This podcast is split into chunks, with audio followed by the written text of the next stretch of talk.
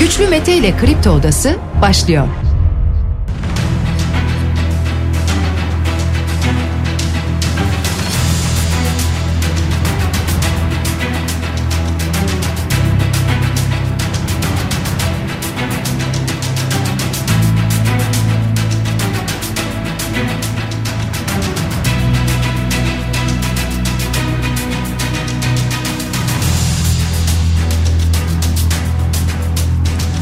9 Mart Perşembe sabahından Kafa Radyo'dan Kripto Odası'ndan tüm Türkiye'ye yurt dışında bizi dinleyen dinleyicilerimize günaydın. Hepinize sağlıklı ve güzel bir gün dileyerek her sabah olduğu gibi programımıza başlıyoruz. Bugün de Kripto Odası'nda saat 10'a dek sizlerle birlikte olacağız.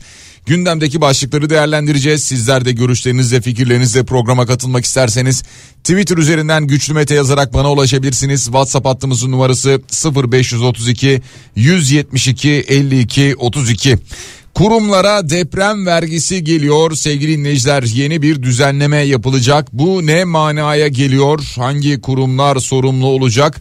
Bunlara birazdan yer vereceğiz. Bir haber var ki Murat Ağrel'in haberi inanılır gibi değil.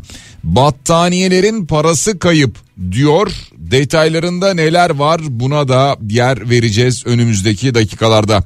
Hatay'da musluk suyu halen içilebilir durumda değil. Sağlık Bakanı Fahrettin Koca'nın da açıklaması vardı. Sadece bu konuda değil birçok konuda açıklama yaptı bakan kripto odasında paylaşacağız. Selahattin Demirtaş'tan Meral Akşener'e bir mektup var. O mektupta dört soru var. Size müzakere siyaseti hak HDP'ye niye değil diye soruyor ama başka soruları da var. Memleket Partisi adayını 12 Mart'ta belirleyecek. Yani Memleket Partisi'nden de bir aday çıkacak mı sorusuna cevap aslında yavaş yavaş şekillenmeye başlıyor gibi. Dün Dünya Kadınlar Günü dedik. Dünden gelen bugüne kadar 4 kadın cinayeti haberi var Türkiye'den sevgili dinleyiciler. Aynı zamanda kadınlar Taksim'de İstiklal'de bir yürüyüş yapmak istedi. Kısmen yaptılar. Kısmen de polis müdahalesi vardı. Gözaltına alınanlar da oldu. Noter ücretlerine yüzde yüzlük bir zam geldi sevgili dinleyiciler. Yüzde yüz yanlış duymadınız noterlik ücret tarifesine. Resmi gazetede yayımlandı bu. TOG'dan ön sipariş açıklaması var. Ön sipariş sürecinin web sitesi ve Trumor mobil uygulaması üzerinden yakın bir tarihte başlatılacağını duyurdu TOG. SGK'dan emekli sandığı ve bağ kurullarla ilgili bir EYT açıklaması var. Bunların hepsine program içerisinde mümkün olduğunca yer vereceğiz sevgili dinleyiciler. Suriye ile normalleşme sürecine ilişkin gelen açıklamalar var. Bunlara da bakacağız. Dışişleri Bakanlığı'ndan Avrupa Parlamentosu'ndaki Türkiye karşıtı etkinliğe bir tepki var. O etkinlik neydi? Nasıl bir tepki var? Yer vereceğiz. Canan Kaftancıoğlu hakkında Erdoğan'a hakaretten 4 yıl 8 ay hapis talebi var. 1 yıl 2 aydan 4 yıl 8 aya kadar hapisle cezalandırılması talep edildi. Canan Kaftancıoğlu'nun bu da gündemle ilgili bir diğer başlıktı. Türkiye Futbol Federasyonu Başkanı Mehmet Büyükekşi'den Süper Lig için playoff açıklaması var. Buna da yer vereceğiz ama netice itibariyle buna geçmeyiz diyor yapmış olduğu açıklamada. Euro Lig'e baktığımızda Fenerbahçe dişe diş bir mücadele vermişti ama maalesef 78-74 mağlup ayrıldı. Maccabi Tel Aviv galip geldi ve Anadolu Efes'te Kızıl Yıldız'a deplasmanda 94-75 mağlup oldu. Bugün UEFA Avrupa Ligi'nde Fenerbahçe'nin Sevilla maçı var saat 23'te deplasmanda sevgili Necder son 16 turundaki ilk maçlar bunlar. UEFA Avrupa Konferans Ligi'nde de Başakşehir Gent'le karşılaşacak deplasmanda Sivas Spor Fiorentina'ya konuk olacak. Saat 23'te başlayacak bu karşılaşmalar. Hemen bir de döviz tablosuna bakalım. Dolar şu anda 18 lira 94 kuruş 18 lira 95 kuruş civarında işlem görüyor. Bir miktar artış var gibi.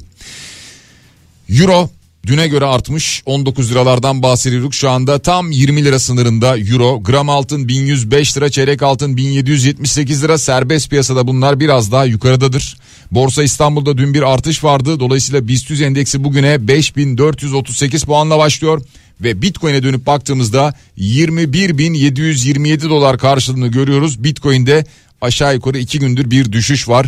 FED'den gelen Amerikan Merkez Bankası'ndan Powell'dan gelen açıklamalardan sonra Bitcoin'de bir düşüş gözlemlenmişti. Kısaca başlıklar bu kadar sadece bunlar mı değil. Örneğin Marmara Denizi'nde meydana gelen bir deprem oldu. Saat 8.28'de bu sabah 8.28'de yani yaklaşık bundan yarım saat önce bir deprem meydana geldi ki bu deprem hem Bursa'da hem de İstanbul'da hissedildi. E, bu depremin aletsel büyüklüğünü AFAD 3.9 olarak duyurdu. Marmara Denizi Karacabey Bursa merkezli bir deprem olduğu ifade edildi. 3.9 büyüklüğünde bir deprem olduğu açıklaması paylaşıldı. Bunu da altını çizerek özellikle hatırlatalım. Çünkü farklı verilerden de bahsediliyor. Ancak bu arada mesela Kandili Rasathanesi ve Deprem Araştırma Enstitüsü verilerine baktığımızda bu depremin büyüklüğünü 4.2 olarak veriyor. Erdek açıkları Balıkesir diyor Marmara Denizi diyor yine 4.2 diyor. Benim bahsettiğim 4.8 4.7 büyüklüğünde deprem deniliyordu ki bunlar yurt dışından yabancı kaynaklardan ilk anda gelen verilerdi. Onlar da düzeltiliyor şimdi. Onu da hatırlatmış olalım. Depremi yaşayan hisseden herkese geçmiş olsun dileklerimizi iletelim ve hemen bir hatırlatma daha yapalım ki o da Profesör Doktor Okan Tüysüz'den gelen bir açıklama oldu sevgili dinleyiciler. Güney Marmara şelfinde olan bir deprem telaşa gerek yok dedi. Neden bu telaş oluyor? Acaba şu anda beklediğimiz Kuzey Marmara fay hattını tetikleyecek olan bir deprem midir? Burayı mı harekete geçiriyor acaba gibi bir endişe oluyor ya her depremde. Okan Hoca da diyor ki telaşa gerek yok. Güney Marmara şelfinde olan bir deprem bu deprem diyor ve hatırlatıyor bunu. Geçmiş olsun yaşayan hisseden herkese. İstanbul biraz sallandı mı? Hemen herkesin aklına birden tekrar deprem gelmeye başlıyor yoksa depremi unutuyoruz. Unutmayalım. Acıları daha çok taze. Şu anda o acıları yaşamaya devam ediyoruz. Bu bölge o acıları yaşamaya devam ediyor. İnsanlar yakınlarını kaybetti. Bazıları yakınlarının cansız bedenlerine bile ulaşamıyor. Gerçekten çok acı. Şimdi kurumlara deprem vergisi geliyor sevgili dinleyiciler. Mecliste görüşülen bir borç yapılandırma yasası var. Bununla beraber buna yeni maddeler ekleniyor. Şimdi depremzedeler ve yeniden imar çalışmalarının finansmanı için şirketlere vergi getiriliyor. Kurumlar vergisi mükelleflerine sağlanan vergi teşviklerinden bir kereye mahsus yüzde onluk bir kesinti yapılması planlanıyor. Ha bu bir kereye mahsus olur mu kalır mı kalmaz mı devam eder mi etmez mi bilmiyorum ama netice itibariyle yüzde onluk bir kesinti yapılacak teşviklerden ve düzenlemeden de doğal olarak 22 bin kurumlar vergisi mükellefi etkilenecek. Sadece deprem bölgesindeki şirketler ek vergiden muaf olacak. Bunu bekliyor muyduk? Bekliyorduk. Yani bir deprem vergisi gelir diye bekliyor muyduk? Bekliyorduk. Sadece bu kadarla kalır mı? Bence kalmaz. Yani kurumlar vergisine böyle bir ek geldiğine göre kesinti geldiğine göre yüzde on demektir ki önümüzdeki günlerde başka bir takım vergiler de karşımıza çıkacak. Muhtemeldir.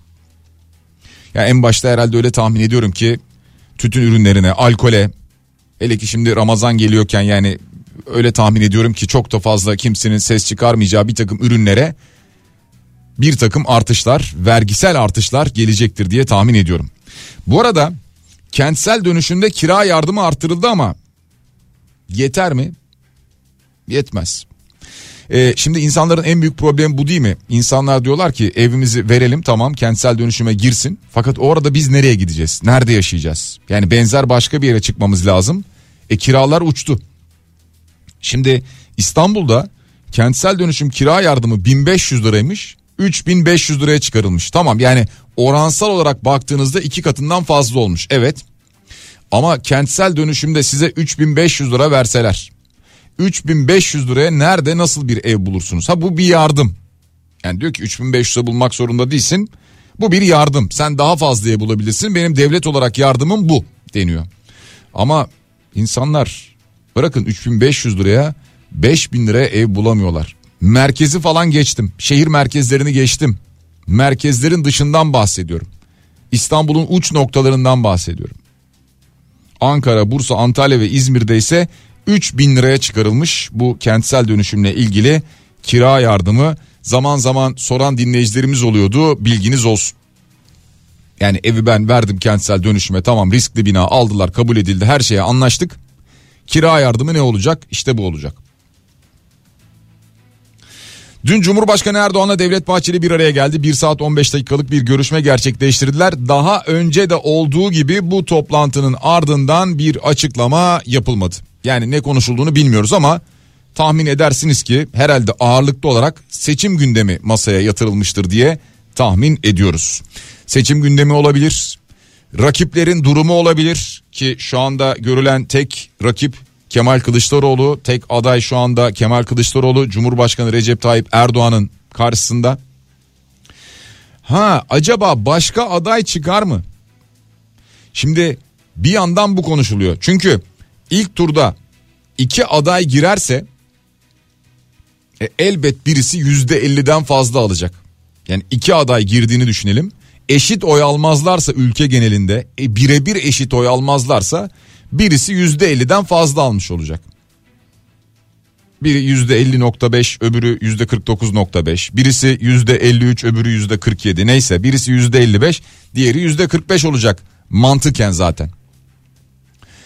Peki iki aday olmazsa yani ilk turda dolayısıyla bitmeyecek olma formülü nedir? Üçüncü bir aday olması. Şimdi HDP mesela biz üçüncü bir aday çıkaracağız demiyor. Kemal Kılıçdaroğlu gelsin görüşelim diyor. Genel itibariyle bu ittifaka dışarıdan destek olacak gibi görünüyor. Şimdi başka bir aday çıkar mı sorusunun cevabıysa aslında bakıyoruz ki Memleket Partisi'nde de gizli. Neden? Çünkü 12 Mart pazar günü Cumhurbaşkanlığı adaylığı için bir ön seçim yapacak Memleket Partisi. Ee, tabii şöyle söyleyelim. Yani sonuçlar ortaya çıkarılacak vesaire falan. Sonra ille aday çıkarırlar. İlle bir adayları olur manasına gelmiyor. Ama üçüncü bir parti girdiğinde ilk turda seçimin bitme ihtimali kesin olmuyor. Kimin lehine olursa olsun. Ee, bitmeyebilir, ikinci tura kalabilir. İkinci turda siyasi partiler destekleyecekleri ismi belirleyebilir, açıklayabilir. Mustafa Sarıgül mesela Kemal Kılıçdaroğlu'nu destekleyeceklerini ifade etmişti. Kemal Kılıçdaroğlu'nun adaylığının ardından. Kemal Kılıçdaroğlu biliyorsunuz grup toplantısına çıktı ve dedi ki bu son katıldığım grup toplantısı yani Cumhurbaşkanlığı adaylığı sürecinde bir kez daha CHP'nin grup toplantısına katılmayacağını ifade etti. Partiden istifa edecek mi etmeyecek mi diye bir soru soruldu. Aslında bu protokolde protokol metninde çok net bir şekilde ortada ama yine de soruldu daha net bir şekilde ifade etti. Dedi ki parlamenter sisteme geçiş sürecinin tamamlanmasıyla birlikte CHP Genel Başkanlığından ayrılacağını söyledi. Zaten bu çok net. Şu anda olan sistem neyse Cumhurbaşkanlığı sistemi, Cumhurbaşkanlığı hükümet sistemi adına ne derseniz deyin. Bu sistem içerisinde devam edecek bir süre seçimden sonra eğer Millet İttifakı kazanırsa aynen devam edecek. Bu süreç içerisinde parlamenter sisteme geçiş hızlandırılacak, çalışmalar tamamlanacak. Diyorlar ki ardından parlamenter sisteme en kısa sürede meclisteki çoğunlukla beraber tabi geçiş sağlanacak. Yani bu ne derecede sağlanabilirse çeşitli plan programlar yapılacak. Bu yapıldığı andan itibaren de zaten ne oluyor parlamenter sistem. Yani ne oluyor? Cumhurbaşkanı diyor ki ben partisiz olacağım bir partinin üyesi olmayacağım. İşte o zaman istifasını verecek. O zaman Cumhurbaşkanının yetkileri azaltılacak. O zaman bir başbakan olacak yeniden Türkiye'de. Ha işte o zaman kim başbakan olacak? Meral Akşener en başından beri başbakanlığa talibim diyordu. Meral Akşener mi başbakan olacak? Eğer Kemal Kılıçdaroğlu CHP'den istifa ederse ki anlıyoruz ki eğer seçilirse ve ardından da parlamenter sisteme geçiş sağlanırsa istifa ettiğinde CHP'nin genel başkanı kim olacak? Gibi bir takım sorular ortaya çıkmaya başlıyor. 81 ili ziyaret etmesi planlanıyor diye bir haber var e, Kemal Kılıçdaroğlu'na ilişkin. Yani bu seçim sürecinde bütün illeri ziyaret edecekti ama öncelikli olarak deprem bölgesinden başlıyor. Deprem bölgesine gidecek. Hatta tüm genel başkanlarla birlikte yani Millet İttifakı olarak bu bölgeye gideceklerine dair haberler vardı. Ahmet Davutoğlu dün sabah Fox TV'deydi. İlker Karagöz'le konuştu. Krizden bahsetti. Evet bir kriz oldu ama bence faydalı bir krizdi. Bu kriz de faydalı oldu. Hiç kriz çıkmıyorsa bir aktör dominant demektir. Çözülüyorsa o kriz öldürmeyen darbe güçlendirir diyor. Yani aslında bir anlamda böyle düşünebiliriz değil mi? Yani böyle düşünmüş zaten bunu açıklamış. Selahattin Demirtaş'tan Meral Akşener'e bir mektup var ve dört soru var. Yani açık bir mektup tabii netice itibariyle ama şunu soruyor en başta. Size hak olan müzakere siyaseti HDP'ye niye hak değil diyor. Bunun dışında şunu söylüyor. HDP'li seçmen olarak benim oyumu istiyor musunuz? Benim de oyumla Cumhurbaşkanlığı yardımcılığı ve bakanlık koltuklarına oturacağınıza göre beni nasıl ikna etmeyi düşünüyorsunuz diyor veya HDP'nin bakanlık isteği olmamasına rağmen bazı arkadaşlarınız HDP'ye bakanlık vermeyiz diyerek biz HDP'li seçmenleri incitmiş, ötekileştirmişti. Şimdi bu arkadaşlarınız HDP seçmeninin oylarıyla bakanlık koltuklarına oturmaya adaylarsa bizi ikna etmeniz gerekmez mi diyor. Ee, buna ilişkin toplamda buna benzer toplamda 4 sorusu var Meral Akşener'e. Tabii şunu bilemiyoruz. Meral Akşener bu mektuba bu sorulara her birine tek tek bir cevap verir mi? Yoksa uygulamada bir cevabı olur mu? Onu önümüzdeki süreç gösterecek ama önümüzde çok az bir süre var sevgili dinleyiciler. Tarih şu anda 9 Mart. 10 Mart tarihinde yani Cumhurbaşkanı Erdoğan ne demişti? 10 Mart tarihinde karar alacağız demişti. Yani seçim kararı, meclisin fesli kararı daha doğrusu alınacak. Yarın alınacak bu karar. Bu karar alındıktan sonra Yüksek Seçim Kurulu artık süreci başlatacak. Diyecek ki bu karar alındı. Demek ki 60 gün sayacağız bugünden itibaren. 60 günün sonrasında gelen ilk pazar günü yani 14 Mayıs günü seçim yapılacak diyecek. Ya dolayısıyla aşağı yukarı şurada önümüzde 2 aylık bir süreç kaldı ama bakın çok hızlı bir 2 aylık süreç olacak. Yani şu manada söylüyorum bunu. Birçok siyasi olay yaşanabilir. İstifalar olabilir, tartışmalar olabilir, hakaretler olabilir. Bir takım dosyalar ortaya çıkartılabilir. Bazısı yalan, bazısı doğru. Bir takım dosyalar ortaya çıkartılabilir. Bunların hepsi muhtemelen bu dönem içerisinde gündeme gelecek. Sanki bizim kendi gündemimiz bize yetmiyormuş gibi.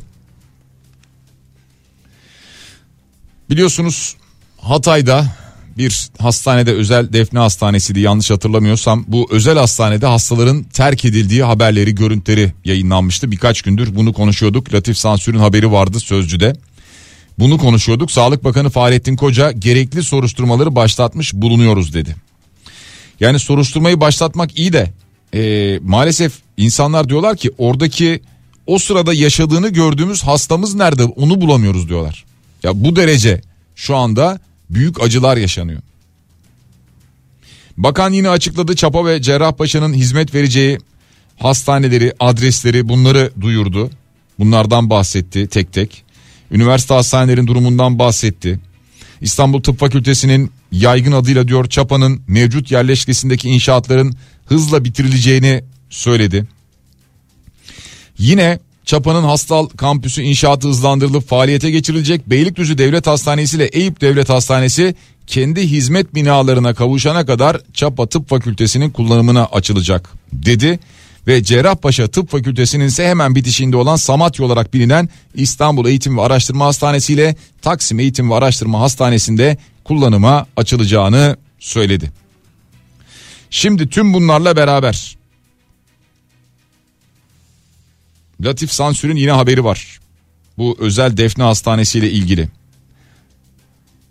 Hatay Tabip Odası Başkanı Sevdar Yılmaz kentteki diğer hastanelerle ilgili de bir takım şeyler anlatmış ki bunlar da gerçekten kan dondurucu bilgiler. Hastanede yatan hastalara ne oldu diye bir defa herkes şu anda bunu merak ediyor.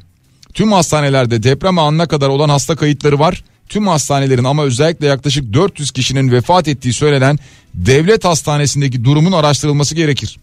İlk depremden 30 saat sonra gittiğim devlet hastanesinin acilinde 50'den fazla ceset vardı ve içeriden hala sesler geliyordu. Çağırdığımız UMKE ekipleri iki kişiyi sağ kurtardı diyor. Yani bu deprem anında hastanelerin durumunun sadece bir özel hastanenin durumunun değil hepsinin birden araştırılması gerekiyor. Şimdi gazeteci Murat Arel bir haber yaptı. Bu habere acil cevap gerekiyor sevgili dinleyiciler. Ama şu an için bir cevap gelmemişti. Kızılay'da yeni skandal haberin adı. Battaniye paraları kayıp. Yanlış duymadınız. Diyor ki iktidar Türkiye'nin en güvenilir kurumlarından biri olan Kızılay'ı krizden rant çıkaran bir şirkete çevirdi. Liyakatsiz kadroları ve deprem sonrasında çadır satışıyla gündeme gelen kuruma acil ihtiyaç olarak yollanan 3,5 milyon avroluk battaniye parasının nerede olduğu bilinmiyor. Depremden sonra çok sayıda ülke Kızılay aracılığıyla yardım yolladı. Çin'den depremzedeler için gönderilen 20 bin çadırın dağıtılıp dağıtılmadıysa belirsiz. Türk Hava Yolları ile bölgeye gönderilen çadırlarla ilgili ulaşmaya çalıştığımız Kızılay yetkilileri sessizliğini koruyor diyor. 3,5 milyon euroluk battaniye parası nerede bu bilinmiyor diyor ve bugün bunu soruyor Murat Arel. Ve yetkililere ulaşamadık diyor. Umarız yetkililerden bu konuda bir açıklama gelir de. Tabi bu arada mesela şunlar da paylaşılmış. İşte Çin'den gelen çadır görüntüleri falan bunların hepsi var. Yani kargolarla gelen çadır görüntüleri bunların hepsi var.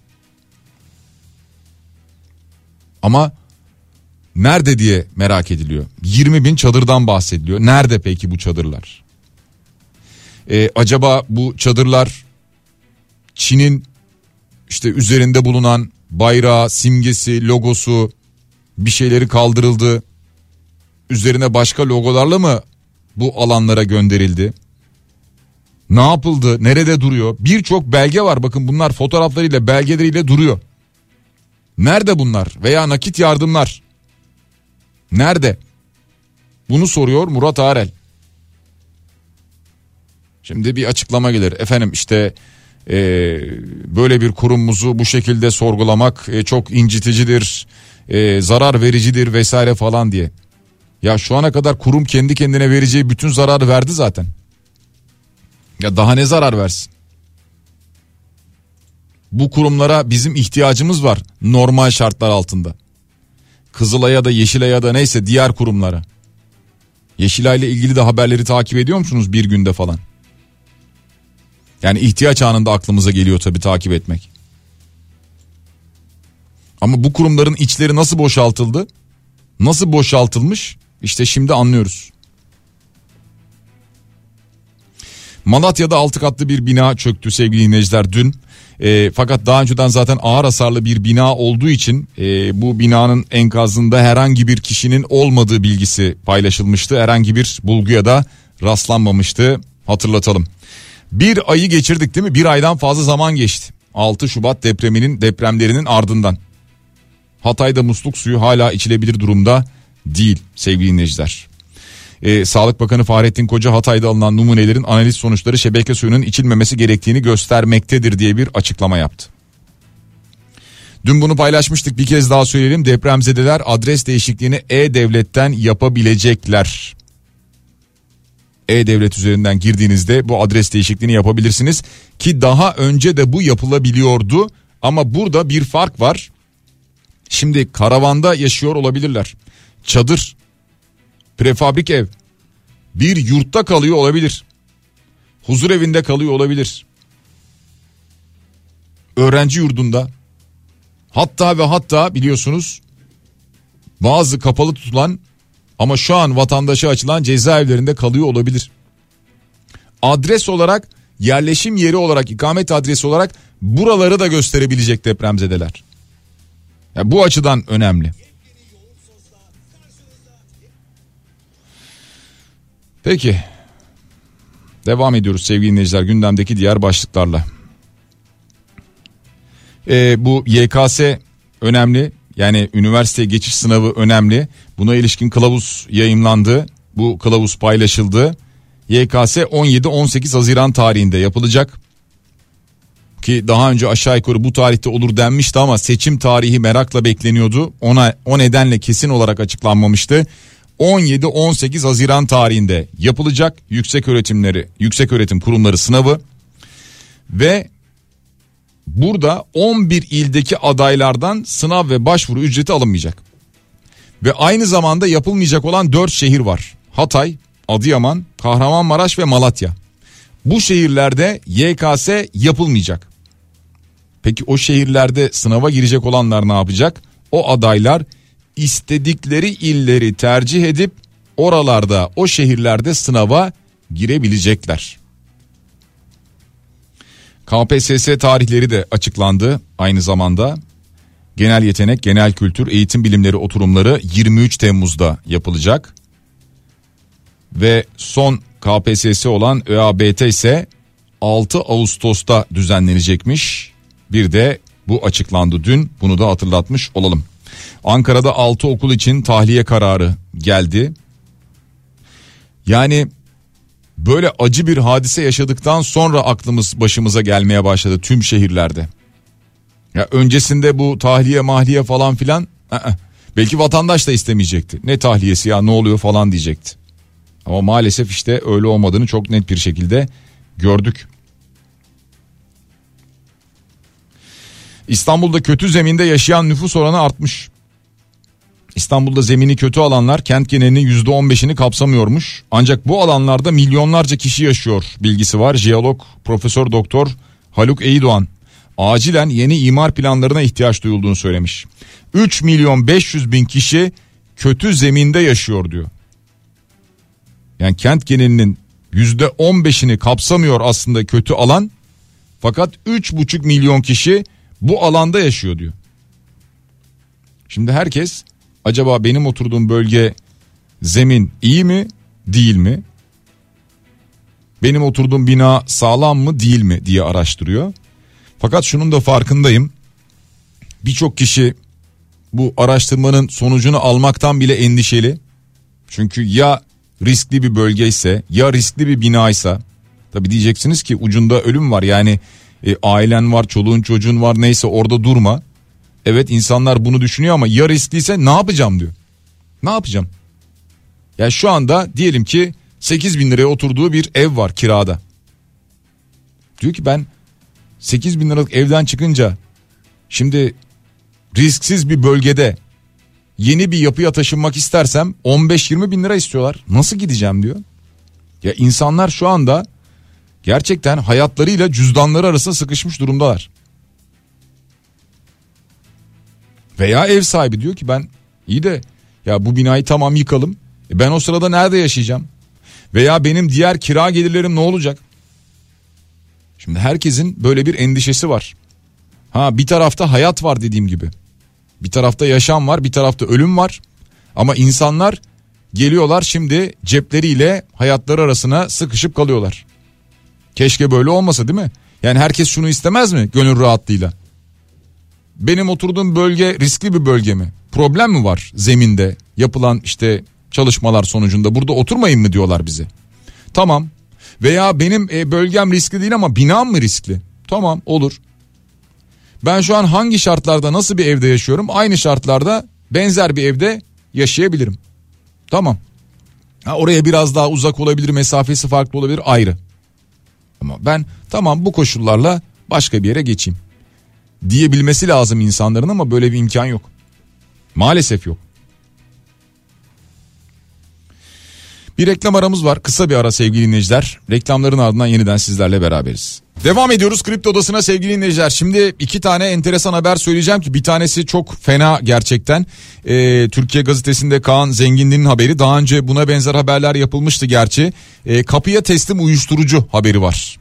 E, torbacıların artık online çalıştığına dair bir haber var. İşte bu metamfetaminin mesela Metin amca kod adıyla istendiği. E, bunların evlere kadar motokuryelerle servislerinin olduğu motokurye dedim kendi motokuryeleriyle yani servislerinin yapıldığı. E, yani netice itibariyle bütün bu satışın internete taşındığı özellikle Instagram, Facebook, TikTok ve Telegram gibi uygulamalar üzerinden bir satış ağının oluşturulduğu ve herkese açık olan yani online olan çevrim içi gruplarda, bloklarda alenen uyuşturucu satışının gerçekleştiğine dair bir haber bu. İşte mesela e, en fazla satışı yapılan uyuşturucu türü metamfetamin.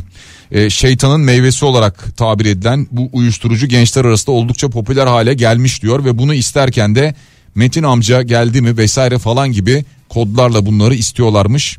E, bunu herhalde öyle tahmin ediyorum ki e, takip ediyordur İçişleri Bakanlığı tüm kurumlarıyla özellikle e, internet üzerinde çalışma yapan bölümleriyle herhalde bunu yakından takip ediyordur. Bu da bir ihbar olur bu haber umarız bunun üzerine. E, iki haber var demiştim birisi çok acı diyordum evet bu acı olan haberdi. E, diğeri yani burada yine bir e, vaka var bir olay var ama İstanbul'da Sırbistan uyruklu iki kadının parası çalınmıştı. Polis oldukları düşünülen kişilerdi. Fakat polis değillerdi. Polis niye parasını çalsın Sırbistan'ın iki kadının? Ee, sahte polis çıktılar. Peki sahte polisler kim çıktı? İran uyruklu bir şüpheli çıktı. Yani İstanbul'da polis olduğunu söyleyerek durdurduğu Sırbistan uyruklu iki kadının parasını çalan sahte polis İranlı çıktı. Ya Türkiye'de buna benzer haberleri biz çok fazla duyuyoruz artık son dönemde değil mi? İşte İranlı yok işte şimdi Sırbistanlıyı dolandırdı. Ee, işte ne bileyim ben Suriyeli Afgan'ı dolandırdı falan. Bu tarz şeyleri çok duyuyoruz biz. Artık e, birbirlerini de dolandırıyorlar. Devam ediyoruz sevgili dinleyiciler. Dün Dünya Kadınlar Günü'ydü öyle değil mi? Dünya Kadınlar Günü dedik. Türkiye'de maalesef 4 kadın cinayet kurbanı oldu. Farklı şehirlerden cinayet haberleri geldi. Bir tanesi mesela Batman'da. 38 yaşındaki Murat Atılgan takip ettiği boşanma aşamasındaki kadın kuaförü olan 33 yaşındaki Tuğba Atılgan'a otobüs durağında beklediği sırada ateş etti. Bu arada orada bulunan durakta bulunan bir lise öğrencisi kız da seken kurşunla yaralanmış. Daha sonra gidiyor evi de ateşe veriyor. İstanbul'da Pendik'te tartıştığı karısını 29 yaşındaki Tülay Erşahin Yaşar'ı bıçaklayarak öldürüyor. Murat Yaşar ardından balkondan atlayarak intihar ediyor. Malatya'da yine birlikte yaşadığı kadını bıçaklıyor. Kadın yaralanıyor hastaneye kaldırılıyor ama maalesef daha sonra hayatını kaybediyor. Üsküdar'da Mevlüt için takip ettiği eski sevgilisi olduğu iddia edilen bilemiyoruz onu gerçek mi değil mi? Miray Atmaca'yı gerçek olsa ne olacak zaten. Miray Atmaca'yı evinin önünde öldürdükten sonra aynı silahla intihar ediyor. Sadece dünden bugüne gelen dört kadın cinayet haberi var. Dünya Kadınlar Günü ha? Kadınlar yürümek istediler.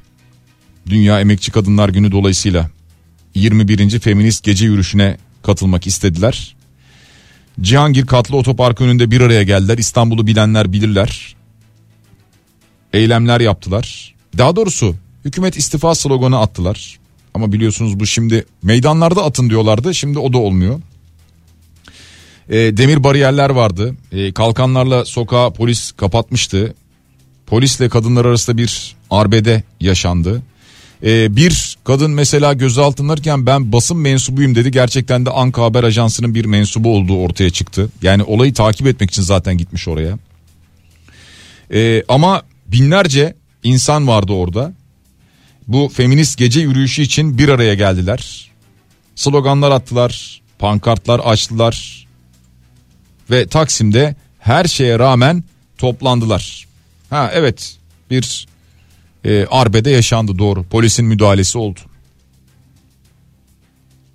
Yani bunu e, daha öncelerde de konuştuk hep. Mesela e, Taksim meydanında denilse ki şurada toplanabilirsiniz.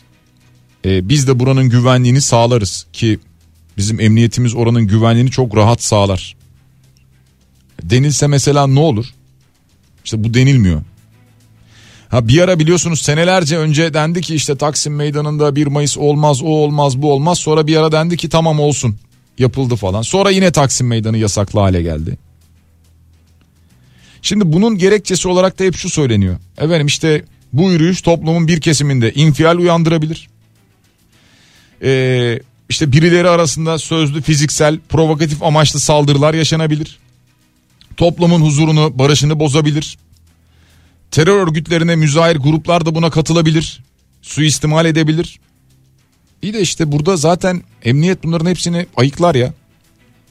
Yani varsa terör örgütü mensubu vesaire falan. E bunların hepsini orada ayıklayabilir emniyet. Neyse netice itibariyle efendim orada işte yaya trafiği var, araç trafiği var, o var, bu var vesaire falan deyip buna bir engel getirilmişti. Ama dediğim gibi yani aslında bunlar engelle değil bir güvenlikle çok rahat bir şekilde halledilebilecek olan meseleler.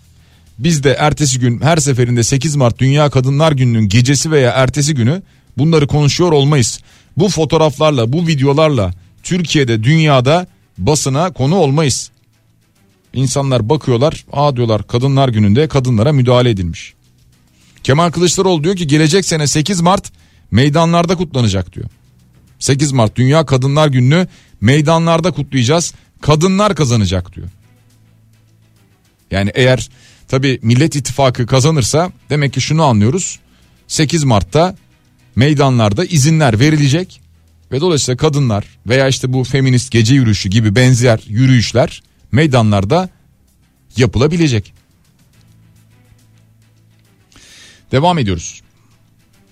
Canan Kaftancıoğlu hakkında Erdoğan hakaretten 4 yıl 8 ay hapis talebi var sevgili dinleyiciler. Cumhurbaşkanı hakaret suçlamasıyla iddianame hazırlandı Kaftancıoğlu hakkında 1 yıl 2 aydan 4 yıl 8 aya kadar hapisle cezalandırılması talep edildi. Erdoğan avukatları suç duyurusunda bulunmuştu. Sözleri Erdoğan'ın onur ve şerefini zedeler nitelikte denildi. Şimdi iddianame Bakırköy Asliye Ceza Mahkemesi'ne gönderiliyormuş. Canan Kaftancıoğlu yine ne yapmışım yaptıklarımız yapacaklarımızın garantisidir ve sizler ne yaparsanız yapın gideceksiniz açıklamasını yaptı. Bu dosyanın ardından. Dışişleri Bakanlığı Avrupa Parlamentosu'na tepkisini gösterdi sevgili dinleyiciler. Avrupa Parlamentosu binasında PKK destekçileri tarafından Türkiye karşıtı etkinlik gerçekleştirilmesi kınandı. Bakanlıktan yapılan açıklamada Avrupa Birliği'nin terör örgütleri listesinde yer alan ve ülke bütünlüğümüzü hedef alan bir terör örgütünün propagandasına hizmet eden bu tür faaliyete imkan sağlanması kabul edilemez denildi. Ya bunu her seferinde söylüyoruz biz kabul edilemez diyoruz da ee, ya tamam biz kabul etmeyelim etmiyoruz da zaten. Niye edelim yani? Ama biz kabul edilemez e, dediğimiz için kabul edilemez olmuyor ki. Ya biz demek ki kendimizi anlatamıyoruz ya. Gerçekten. Yani Avrupa Parlamentosu'nda eğer şu anda böyle bir şey yapılabiliyorsa yani terör örgütü destekçileri oraya gidip bir e, etkinlik gerçekleştirebiliyorsa ne bileyim İsveç, Finlandiya başka ülkeler işte biz bunlar terörist kardeşim bunları bize verin dediğimizde vermiyorsa veya o ülkelerde çeşitli etkinlikler yapıldığında ya bir dakika teröre hizmet eden eylemler etkinlikler bunlar nasıl müsaade ediyorsun dediğimizde hayır kardeşim bizde yasalar var bir dakika durum öyle değil diyorlarsa demek ki biz kendimizi anlatamıyoruz. Ya iş ya da sulanmış. Ya biz öyle diyoruz onlar öyle değil diyor. Siz öyle diyorsunuz ama gerçekte böyle değil diyor falan. Neyse. Ama neticede yapıyorlar mı yapıyorlar. Avrupa Parlamentosu'nda yapıyor bunu yapıyor. Çeşitli Avrupa ülkelerinde yapıyor mu yapıyor. Biz diyoruz ki kabul etmiyoruz. E etmiyoruz etmezsek etmeyelim yani. Diyecek ki tamam etmiyorsun ama ben yapmaya devam ediyorum yani. Aa bize tepki gösterdi. Tamam. Şimdi bakın e, biz 9 Mart tarihindeyiz değil mi? E, seçimi konuşacağız bundan sonra. E 24 Nisan gelecek. 24 Nisan işte sözde Ermeni soykırımı günü değil mi? O gün gelecek. O gün gelirken konuşmaya başlayacağız 2-3 gün kala. Mesajlar vereceğiz. İşte bu kabul edilemez, şöyle olamaz. Amerikan başkanı bunu diyemez, şunu diyemez, soykırım kelimesini geçiremez. İşte o ülke kabul etmiş de edemez, biz bunu kabul etmiyoruz falan diyeceğiz. 24 Nisan'a bir hafta kala başlarız bunları konuşmayı. Bir hafta bile değil 3 gün kala falan başlarız. 24 Nisan'da birileri yapacağını yapar. Sonra deriz ki biz bunu kabul etmiyoruz. Neyse öbür 24 Nisan'a kadar bu konu unutulur tekrar. Böyle değil işte bunlar için bir devlet politikası gerekiyor. Yani yıllara yayılan öyle böyle değil. Böyle bir sene, üç sene, beş sene devlet politikası diyorum bakın. Hükümet politikalarından bahsetmiyorum. Hükümetler gelir gider geçicidir. Bakan değişir, kabine değişir, başbakan değişir, cumhurbaşkanı değişir neyse. Dersiniz ki 50 yıl, 100 yıl böyle bir politikamız olacak bizim. Ve bu sürdürülür. Liyakatlı kişiler bu politikayı belirlerler. Devam ediyoruz. Buyurun bir tepki daha. Amerikalı generalin skandal ziyaretine tepki. Ee, gitti ya e, Suriye tarafına, Suriye'nin kuzeyine gitti. Orada e, görüşmeler yaptı. Yaptığı görüşmeler içerisinde işte PKK, PYD'liler vardı. Bunlar basına fotoğrafları yansıdı. Suriye bile tepki gösterdi bu duruma. Türkiye daha sonra tepki gösterdi. Dedi ki Amerika'nın genelkurmay başkanı nasıl olur da YPG'li teröristleri ziyaret eder dedi Türkiye. Amerika'nın dışişleri pardon Amerika'nın büyükelçisini çağırdı uyardı. Türkiye diyor ki gereken uyarılar mesajlar verildi. Kaç defa uyardık biz Amerika'yı bu konuda? Ya ilk defa mı uyarıyoruz mesela? Ya bu YPG, PKK, PYD konusunda ilk defa mı uyarıyoruz? İlk defa mı bir Amerikalı yetkili bir asker, üst düzey bir komutan ilk defa mı gitti görüşmeye bunlarla? İlk defa mı fotoğraf verdi? Hayır. İşte diyorum ya bir eksiklik var, bir hata var. Ya bir şeyi eksik yapıyoruz, bir şeyi hatalı yapıyoruz. Biz çağırıyoruz, uyarıyoruz. O diyecek ki pardon şöyle olmuş, böyle olmuş. Zaten dediler. Orada terör örgütleriyle falan görüşülmedi falan gibi bir açıklama yaptılar. Çünkü şurada da anlaşamıyoruz. Biz diyoruz ki oraya gidiyorsun sen o terör örgütü. O diyor ki hayır o terör örgütü değil. Burada da anlaşamıyoruz mesela. Bu da ayrı bir sıkıntı. Yani şu dış ilişkilerde de ciddi manada bir problemimiz var. Şimdi Suriye ile normalleşme sürecine girmeye çalışıyoruz. Türkiye, Rusya, Suriye ve İran Dışişleri Bakan Yardımcıları Moskova'da bir araya gelecekler. Önümüzdeki hafta muhtemelen böyle bir görüşme gerçekleşecek. Bakın e, Türkiye ile Suriye var. Zaten arası düzelsin isteniyor. Ve tabii ki ev sahibi olarak Rusya var. Bir de İran ara buluculuk yapacak. Dışişleri Bakan Yardımcıları bir araya geliyor. Mevlüt Çavuşoğlu bakan yardımcımızı Moskova'ya göndereceğiz diyor. Ee, İran Dışişleri Bakanı da diyor ki biz e, Türkiye ile Suriye'nin arasının düzelmesini isteriz diyor. Suriye ile senelerce aramız kötü oldu. Önce çok iyiydi biliyorsunuz. Yani kardeşimizdi, dostumuzdu Esad. Sonra birden biliyorsunuz Esed oldu. Ee, sonra denildi ki 3 aya gider, 3 vakte gider. E işte e, bırakalım halk onu gönderir zaten falan. Olmadı. Hak göndermedi, gitmedi. Halen görev başında. Sonra derken yavaş yavaş ya ne olmuştu ki bir dakika ya biz normalleşme sürecine bir geçelim. Suriye bizim komşumuz demeye başladık. Şimdi o süreci idare etmeye çalışıyoruz, geriye dönmeye çalışıyoruz. Kaç sene geçti aradan? Devam ediyoruz sevgili dinleyiciler. Gündemdeki diğer başlıklarla. Bu Kadıköy Beşiktaş vapurunda bir sokak köpeği e, krizi yaşandı ama e, bu herhalde münferit bir olaydır diye tahmin ediyorum ben. E, yani biliyorsunuzdur artık dünden bu yana radyolarda televizyonlarda çokça konuşuldu bu konu. İnternete de yansıdı çünkü. Kadıköy Beşiktaş vapurunda sokak köpeği olduğu gerekçesiyle kaptan seferi iptal etti. Yolcuların vapurdan inmesini istedi. Ee, yolcuların bir kısmı kaptana tepki gösterdi. Ee, şehir hatlarından tabii hemen bir açıklama geldi. Ee, onlar dediler ki olayla ilgili bir e, araştırma soruşturma başlattık. Öncelikle yaşanan gecikmeden dolayı özür diler. Hayvan dostu şehir hatları politikamız gereği sürecin şirketimiz tarafından detaylarıyla tetkik edildiğini bilgilerinize sunarız dediler ki işte dört ayaklı dostlarımız zaten bunları e, kullanıyor ve biniyorlar diyor şehir atları. Evet e, zaman zaman biniyorlar. Zaman zaman ısınmak için biniyorlar. Zaman zaman bilmiyorum yani e, hani şimdi karşıya geçmek için diyeceğim ama neyse e, biniyorlar ve öbür yakada iniyorlar gerçekten de. E, ya insanlarla bir arada oluyorlar. Kimseye zararları yok. E, böyle bir kural mı vardı mesela kaptan ben bu kurala uydum. O nedenle bütün e, şeyi boşalttım, e, vapuru boşalttım, seferi iptal ettim mi diyor. Ya bu dediğim gibi bu genel bir e, kural değildir. Genel geçer olan bir kural değildir. Burada münferit bir hadise yaşanmış muhtemelen ama keşke olmasaymış.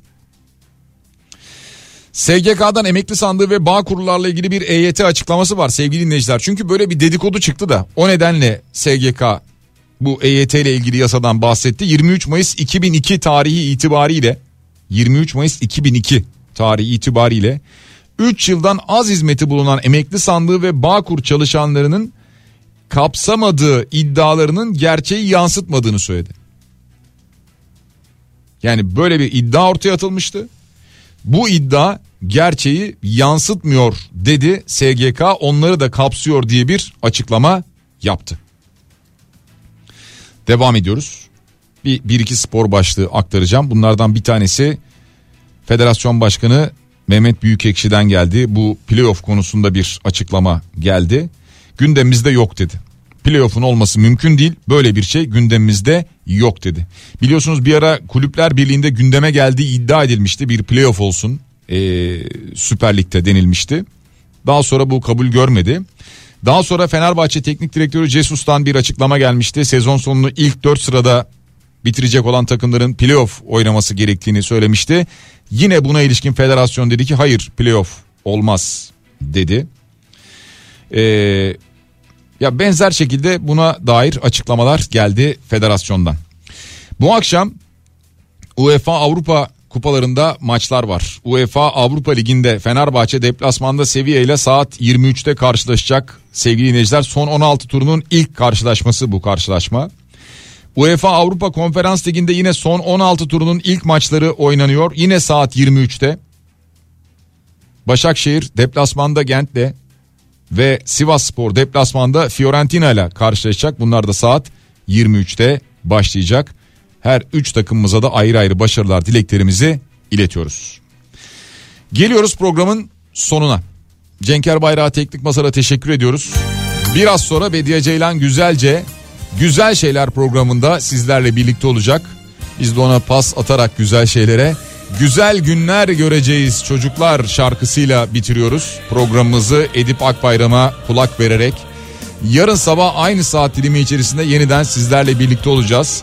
Hepinize sağlıklı bir gün diliyorum. Şimdilik hoşçakalın.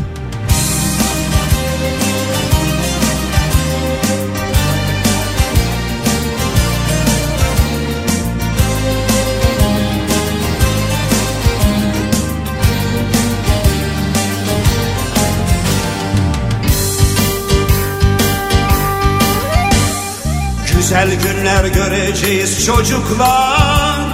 Motorları maviliklere süreceğiz. Güzel günler göreceğiz çocuklar.